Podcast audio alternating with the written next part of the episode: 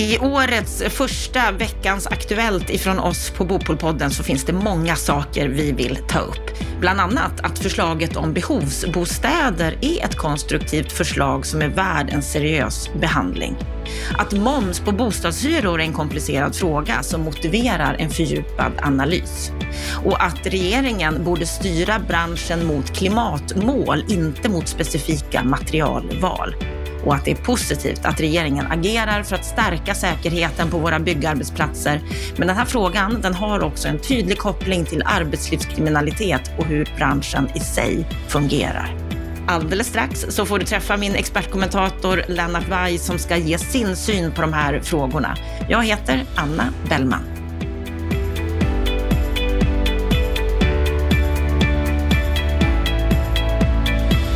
Och vi börjar med en debatt som har rullat under helgerna och som uppkom efter att Liberalernas bostadspolitiska talesperson Jakob Olofsgård berättade i en intervju i Svenska Dagbladet om förslaget om behovsbostäder. En variant av det begrepp som vi ofta pratar om, social housing. Det här förslaget det innebär i korthet att svaga hushåll ska kunna placeras i lägenheter i vanliga hus. Det handlar alltså inte om hela hus med svaga hushåll som man ofta förknippar just med begreppet social housing. Och det ska alltså inte, till skillnad från hur dagens sociala kontrakt ofta fungerar, placeras i så kallade utsatta områden. Och för att få fastighetsägare med på det här tåget så föreslår man både piska och morot, att kommunerna ska kunna ställa krav på en viss andel behovsbostäder vid markförsäljning för bostadsbyggnation. Samtidigt ska staten kunna erbjuda lån till förmånliga villkor och en statlig hyresgaranti för behovsbostäderna som ska ha en lägre hyra än övriga lägenheter. Ja, Lennart Weiss, vad säger du om Jakobs förslag om behovsbostäder? Jag tycker att det är ett seriöst inlägg i debatten som är värt att beakta eh, noggrant. Och som du vet så har jag gjort min egen intellektuella resa i den här frågan. Jag har, precis som många andra som är lite vänsterlutande, varit skeptiska till behovsbostäder, det vi kallar för social housing i, vardagligt tal, men kommit att ändra ståndpunkt och det skrev jag ju en ledare om förra året och, och, och det väckte en del uppseende. Men min resa ser ut så här. Är det rimligt att de svagaste, de personer med den svagaste ställningen på bostadsmarknaden ska skyfflas runt i tillfälliga lösningar? Det är vad vi de facto gör idag. Om man inte är helt hemlös så skyfflar vi runt dem i tillfälliga lösningar, i, i sociala kontrakt och olika varianter utav det. Är det moraliskt rimligt? Är det så vi ska hantera de svagastes situation? Och till slut har jag kommit fram till att svaret är nej och jag kan vara öppen med att jag tagit starkt intryck av vad eh, Stadsmissionen och Räddningsmissionen i Göteborg och deras iakttagelser i det här. Jag noterar också att deras arbete med att hantera både strukturellt och socialt hemlösa bygger väldigt ofta på samspel med just privata fastighetsägare. Helt under, under radarn så har ju Stadsmissionen i, i Stockholm förmedlat uppåt en 200 lägenheter till socialt och, och strukturellt hemlösa människor tack vare ett frivilligt samarbete då med privata fastighetsägare som tillhandahåller enskilda lägenheter i sitt bestånd. Är det ett problem med det? Har det skapat ökad segregation? Nej, det är ett uttryck för socialt ansvar som både Stadsmissionen och privata fastighetsägare tagit i samspel. Vad han föreslår här det är en form av permanenta lösningar och han föreslår att eh, staten ska ta en aktiv del i det hela på den ekonomiska sidan. Han menar ju också, precis i linje med vad jag själv har föreslagit ett antal gånger, att eh, nyproduktionen ska ta ett delansvar i det här så att en viss andel av nyproducerade bostäder ska avdelas för sociala ändamål. Det som är nytt i det hela det är att han pekar på att staten ska ta ett ekonomiskt ansvar. Ja, men vad är det för problem med det? Alltså det här innebär ju bara att vi skapar ett nytt system för sociala kontrakt som innebär permanenta lösningar och finansiering. Och det finns ju de som verkligen har varit motståndare till det här förslaget som har kommit fram, som också är vänsterorienterade, precis som du. Vänsterpartiets Nooshi Dadgostar, hon sågar ju det här förslaget rejält. Hon säger i Svenska Dagbladet att det här kommer att leda till fattighus och cementerad segregation och ett sätt att införa marknadshyror. Finns det inte risk för det, Lennart? Det är svårt att bedöma om, om det så att säga hänger ihop på, med, med en, ska jag säga, rent taktiskt. Men jag menar så här, att även om det kanske gör det, så, så måste ju ändå den här frågan adresseras på ett seriöst sätt. Problemet med Nooshi och faktiskt även Hyresgästföreningen, det är att de har ju inget eget alternativ. Det alternativ som luftas i debatten, det är bostadsbidrag. Ja, bostadsbidrag är ett sätt att förhindra hemlöshet, men det förutsätter att folk har ett jobb. Du får inte ett bostadsbidrag om du inte har ett jobb. Så vad gör du med människor som har blivit av med jobbet eller hamnat i, i en annan typ av ekonomisk eller social vanmakt och som ställs på gatan? Vad, vad, är svaret till dem? Bygg mer, säger Hyresgästföreningen. Ja, men det löser ju inte de svagastes problem, för därför att de nya bostäderna, det är de dyraste bostäderna och, de, och, och strukturellt hemlösa människor är ju hemlösa för att de inte har råd. Så att det är ju det problemet Jakob adresserar. Jag kan egentligen bara se en svaghet i det här och det är det kommunala ansvaret. Och eh, jag vet inte vem det var som lyfte fram det i debatten, jag tror att det var Hans Lind. Hur hanterar man de kommuner som idag försöker flytta sitt problem till andra kommuner genom att helt enkelt inte göra någonting eller genom att skaffa ett hyreskontrakt i en, i en annan kommun, företrädesvis då ute på landsbygd, glesbygd. Det problemet löses inte per automatik med Jakobs förslag och det, och det kräver en annan typ av förmodligen statlig styrning. Men här, det här är ändå ett inlägg som man får uppfatta som seriöst försök att lösa de svagastes behov och det tycker jag man ska vara positiv till. Vad tror du då, skulle det gå att få en majoritet i riksdagen och genomföra det här? Det hänger väldigt mycket på vad Socialdemokraterna ställer sig i, i, frågan. Väljer de att lyssna så att säga på, på Hyresgästföreningens principiella motstånd och delvis även Sveriges allmännytta. Men man ska komma ihåg att jag menar, när, när rapporten En ny social bostadspolitik presenterades 2018, då ställde sig både Marie Linder och Johan Löfstrand som ingick i arbetsgruppen bakom det förslaget som vi hade med tillfälliga sociala kontrakt. Och Poängen med dem det var att de sociala kontrakten skulle förlängas från två till fem år, men hade i övrigt en väldigt stora likheter med Liberalernas förslag. Liberalernas förslag går ett steg längre och föreslår permanenta boendelösningar. Och jag har väldigt svårt att se annat än att det är den vägen man måste gå och det är för övrigt den vägen också finnarna har gått med sina arabostäder. När man lyfter fram det finska exemplet som det mest framgångsrika när det gäller att bekämpa hemlösheten så måste man ju förstå att det bygger på en typ av behovsbostäder där staten tar en aktiv roll. Så att eh, Nooshi Dadgostar är nog skyldig ett eget alternativ. Annars så blir det bara liksom retorik. Och ja, debatten om marknadshyra, den kan man väl föra, men det är en annan debatt. Vi ska gå vidare till ytterligare en annan debatt som har förts den senaste tiden. Det gäller förslaget om att införa en låg moms på bostadshyror. Och förespråkarna till det här, bland annat Sveriges allmännytta och Hyresgästföreningen, de menar att det här kan sänka hyrorna i nyproduktion eftersom byggarna skulle få möjlighet att dra av momsen. Men strax före jul så skrev Moderaternas bostadspolitiska talesperson David Josefsson om det här förslaget. Han har låtit riksdagens utredningstjänst undersöka undersöka vilka kostnaderna hade blivit för att införa en 6-procentig moms på bostadshyror och slutsatsen var att nettokostnaden hade blivit hela 45 miljarder kronor. Ja, vad säger du om det här, Lennart? Tar den här utredningen död på, på förslaget? Ja, möjligen, men eh, med tanke på att eh, man också har fått mothugg av eh, allmännyttan och Hyresgästföreningen angående beräkningarna så kanske man ska ta frågan ett varv till. Men skulle beräkningarna vara korrekta, då skulle jag nog säga att då, tar, då, då tar nog eh, RUTs utredning död på debatten. Får jag kommentera det så här? Gapet till en fungerande kalkyl idag motsvarar ungefär byggmomsen. Så skulle man liksom via en sån här konstruktion på ett elegant sätt kunna trolla bort en kostnadspost eller reducera kostnaderna i nyproduktionen så skulle ju det fylla ett viktigt ändamål. Så på ett principiellt plan så tycker jag fortfarande att den här tanken är intressant och, och jag och Stefan Attefall och andra har ju tidigare uttalat oss positiva för att titta på den här möjligheten att införa moms på hyra och den, på det sättet möjliggöra en kvittningsmöjlighet. Men man ska komma ihåg att andra har analyserat det här också. Jag, jag tog ett snack med Hans Lind som tillsammans med Bo Nordlund för några år sedan analyserade den här frågan. Tog en ny kontakt med honom nu och då sa han att han hade liksom inga direkta kommentarer till kalkylerna men i det PM som de tidigare hade gjort till fastighetsägarna så pekade de på att eh, det här kan skapa problem, särskilt för företag som har höga driftskostnader. Alltså, utredningen visade att förslaget skulle gynna företag med höga driftskostnader och höga byggkostnader. Men, men, men, när det gällde företag med låga driftskostnader och som inte hade byggt nytt eller renoverat under en tid så skulle den utgående momsen kunna bli högre än den ingående. Och då skulle det kunna leda till högre hyror. Hur skulle man hantera det? Och hur hanterar man det faktum att man, om man då bygger ett år Eh, men inte ett annat år, ska då momsen periodiseras? Så det finns tekniska problem med det här också.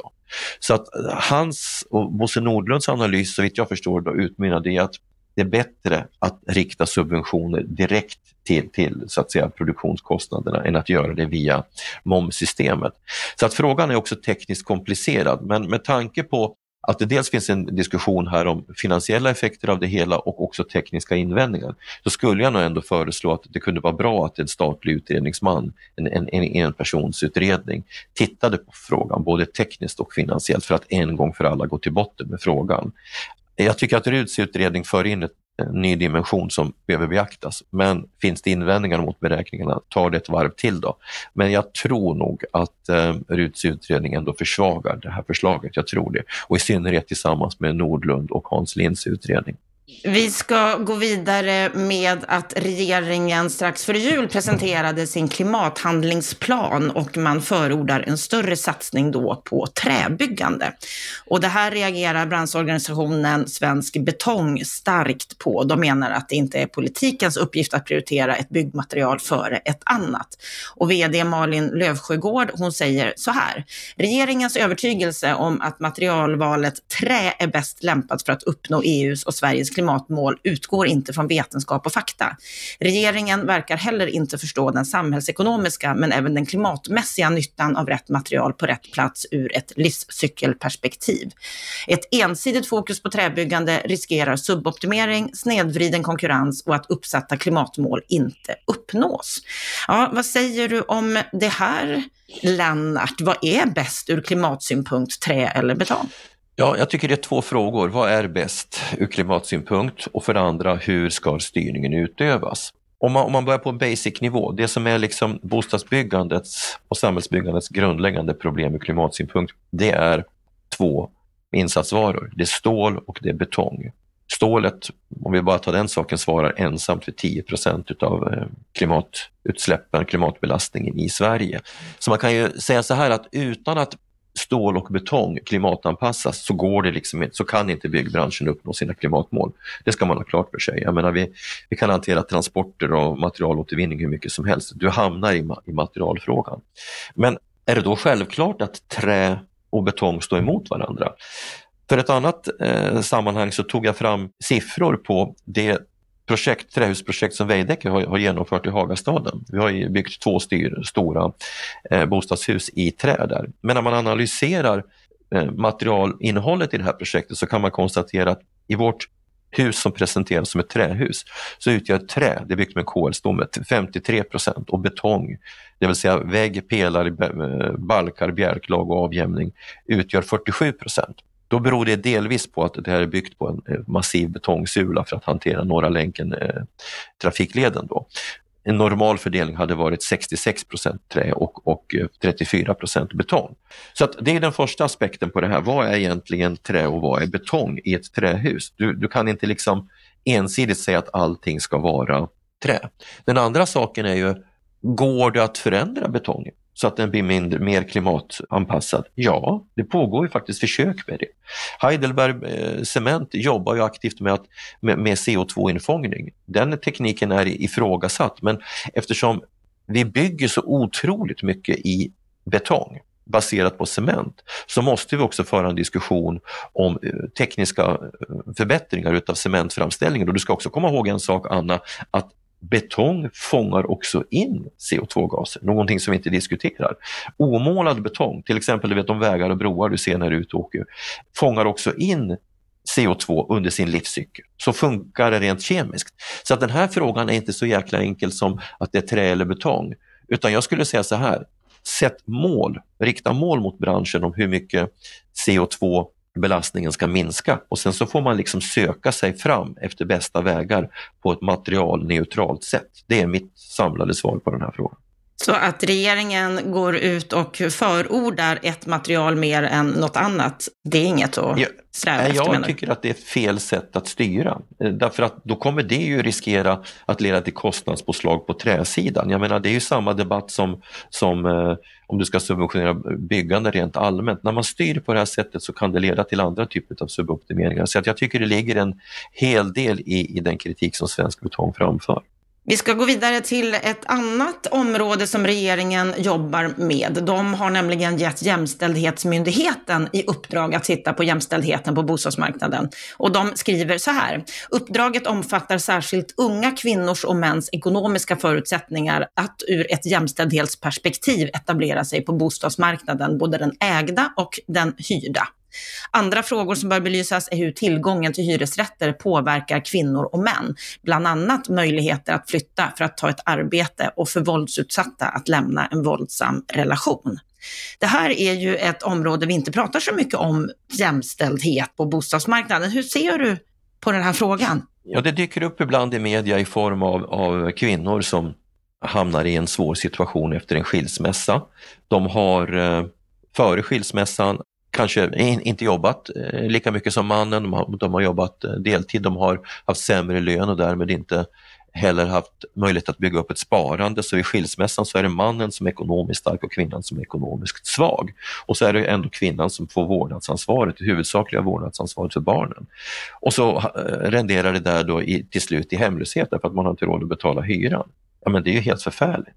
Och det är, ju, det är en aspekt av flera olika saker att eh, mäns och kvinnors arbetsmarknad inte är jämställd och så vidare. Så det är en del av ett större problem. Men, men det är ju, för ju egentligen tillbaka frågan till behovsbostäder. Hur hanterar du människor som utav olika skäl förändrar livssituation och vad det nu kan vara, det kan ju vara andra skäl också, sociala, medicinska, inte klarar av sin boendesituation, ja då måste det finnas ett skyddsnät. Så att eh, jämställdhetsaspekten ja även den styr tillbaka till att samhället måste ha ett mer finmaskigt skyddsnät och möjlighet att fånga upp den här typen av problem. Du såg ju själv i julhelgen så kom det en rapport som visade att allt fler barn blir drabbade indirekt av vräkningar. Ja, men så här kan vi ju inte ha det. Så jämställdhetsaspekten, barnaspekten på, på de här frågorna är relevanta och det måste till ett förbättrat skyddsnät. Vi ska avsluta veckans Aktuellt med två viktiga frågor som hänger tätt ihop, nämligen säkerheten på våra arbetsplatser och arbetslivskriminaliteten. Och efter de många arbetsplatsolyckorna förra året och inte minst då den här fruktansvärda hissolyckan i Sundbyberg i december då fem personer miste livet, ja då agerar faktiskt regeringen nu äntligen. Arbetsmiljöverket ska genomföra fler oanmälda och fysiska inspektioner och de får också i upp uppdrag att de ska föreslå åtgärder för att få fler att engagera sig som skyddsombud på sina arbetsplatser. Och när det gäller arbetslivskriminaliteten så har Fastigo, som ju är fastighetsbranschens arbetsgivarorganisation, de har gjort en enkätundersökning som visar att en femtedel ser arbetslivskriminalitet som ett stort problem inom branschen. Nästan fyra av tio har någon gång tackat nej till en samarbetspartner eller underleverantör på grund av misstanke om arbetslivskriminalitet. Ingen rolig läsning, säger Fastigos VD Johan Mann om den här undersökningen. Ja, Lennart, de här två sidorna hör ju tätt ihop. Mm. På vilket sätt? Ja, det, det, det, är ju ett komplicerat samband som gör att man både måste isolera olika frågor men också koppla samman dem. Först, den här olyckan i Sundbyberg var ju en oerhörd tragik. Fem människor omkom. Det är ju ingen tvekan om att eh, det här drabbade många människor djupt och, och, och jag, jag, tycker att det var väldigt, ska jag säga, det gladde mig att se Paulina Brandbergs personliga engagemang i frågan. Och den här debattartikeln som regeringen eh, gick ut med, Paulina och, och eh, Johan Persson, visade ju att engagemanget har ökat så att man får väl hoppas att det kom något positivt ut utav det hela när nu fem människor så, så tragiskt omkom här. Men det handlar ju om, om lite olika saker. Först säkerhetsbrister. Alltså det är en arbetsmiljöfråga och den adresserar regeringen. Jag tycker det är bra att de ger ett fördjupat uppdrag till Arbetsmiljöverket och att man talar om skyddsombudens roll i sammanhanget. Det är en väldigt viktig fråga.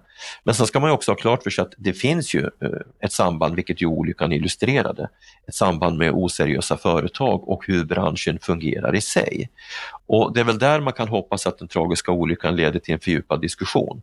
Jag är ju själv inblandad i debatten då och då om UE2-led eller inte och, och, jag såg att byggföretagen var ute och sa att eh, dagens specialiserade byggmarknad kräver att man kan ta in Eh, underentreprenörer i flera led. Ja, men vi har ju tillämpat UE2-led sedan 2016 och har ju inga problem med att ta in specialister.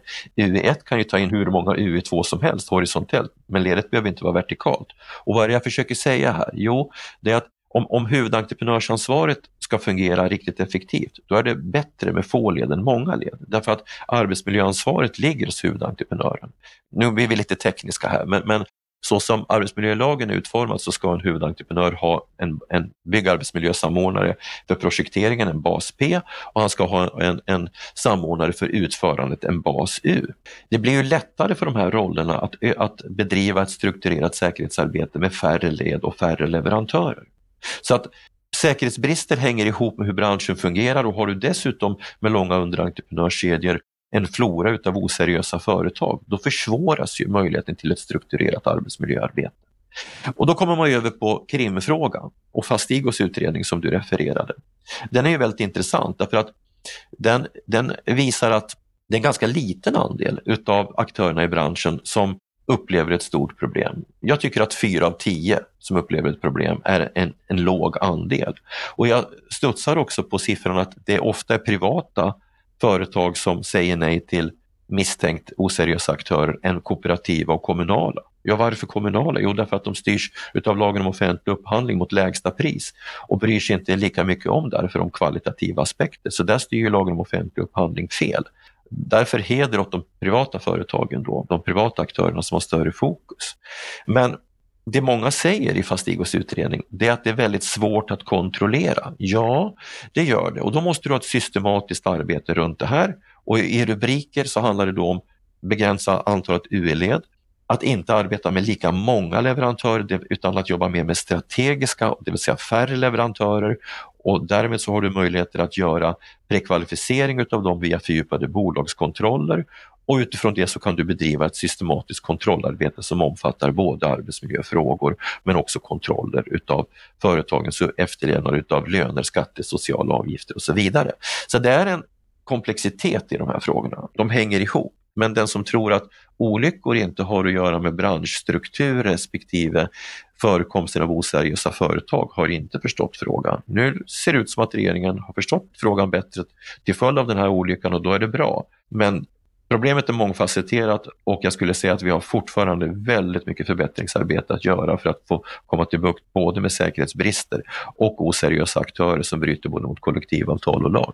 Mm, det låter som att det är väldigt många frågor som måste samspela här för att det verkligen ska bli en förbättring. Ja, det är helt klart på det sättet och, och där återstår det mest att göra, vilket Byggmarknadskommissionens utredning visade och vilket Veidekkes fördjupade bolagsutredningar visar. Och jag skulle säga att det kommer nu en stridström av nya ärenden från Byggnads. Och det är en följd av den överenskommelse som Byggnads och byggföretagen gjorde i förra årets avtalsförhandlingar om svensk byggkontroll. Nu har ju alltså Byggnads utbildat massor av egna ombudsmän eh, i samma typ av kontrollmetodik som tillämpas av Veidekke. Så nu ser ju vi själva att vi får nya ärenden där Byggnads har upptäckt avvikelser och jag tror att det här kommer att öka och det kommer nog att ändra dynamiken lite kring, kring hela eh, Eh, ska säga, fokus och arbetssätt kring de här frågorna, vilket jag välkomnar. Vi välkomnar det och vi hoppas att det blir en stor förbättring under året som vi nu har påbörjat så att vi inte får lika oerhört tråkiga siffror som under 2023. Och vi ska fortsätta prata om det här i vårt program på måndag, men utifrån ett litet annat perspektiv. För att fusk, det förekommer på olika sätt i branschen. Och då ska vi prata om en ny tjänst som ska säkerställa att de materialpriser som faktureras är korrekta.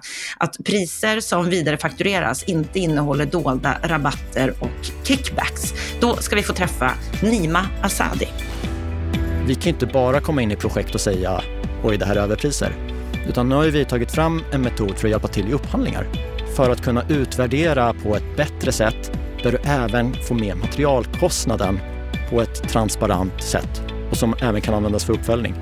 Och det var det jag menade med att jag tror att kostcheck är viktigt för branschen. Att jag tror väldigt mycket på samverkan. Jag tror väldigt mycket på samverkansentreprenader. Men så som det är idag så gör vi inte det. Vi pratar om öppna böcker, men det är inte öppna böcker. Och jag tror att det här är en jätteviktig del för att kunna utföra samverkansentreprenader på ett schysst sätt. Ja, på måndag då får du träffa Nima Asadi och höra hela samtalet om den nya tjänsten Kostcheck, som alltså ska bidra till att minimera fusket som han menar är omfattande, systematiskt och taktiskt. Tack Lennart för din kommentar, din veckans Aktuellt. Det hörs att du är lite förkyld så vi hoppas att du repar dig rejält till nästa vecka. Tack, tack. tack också till dig som har lyssnat på veckans Aktuellt. Jag hoppas att du är med oss på måndag igen och jag hoppas att du får en riktigt trevlig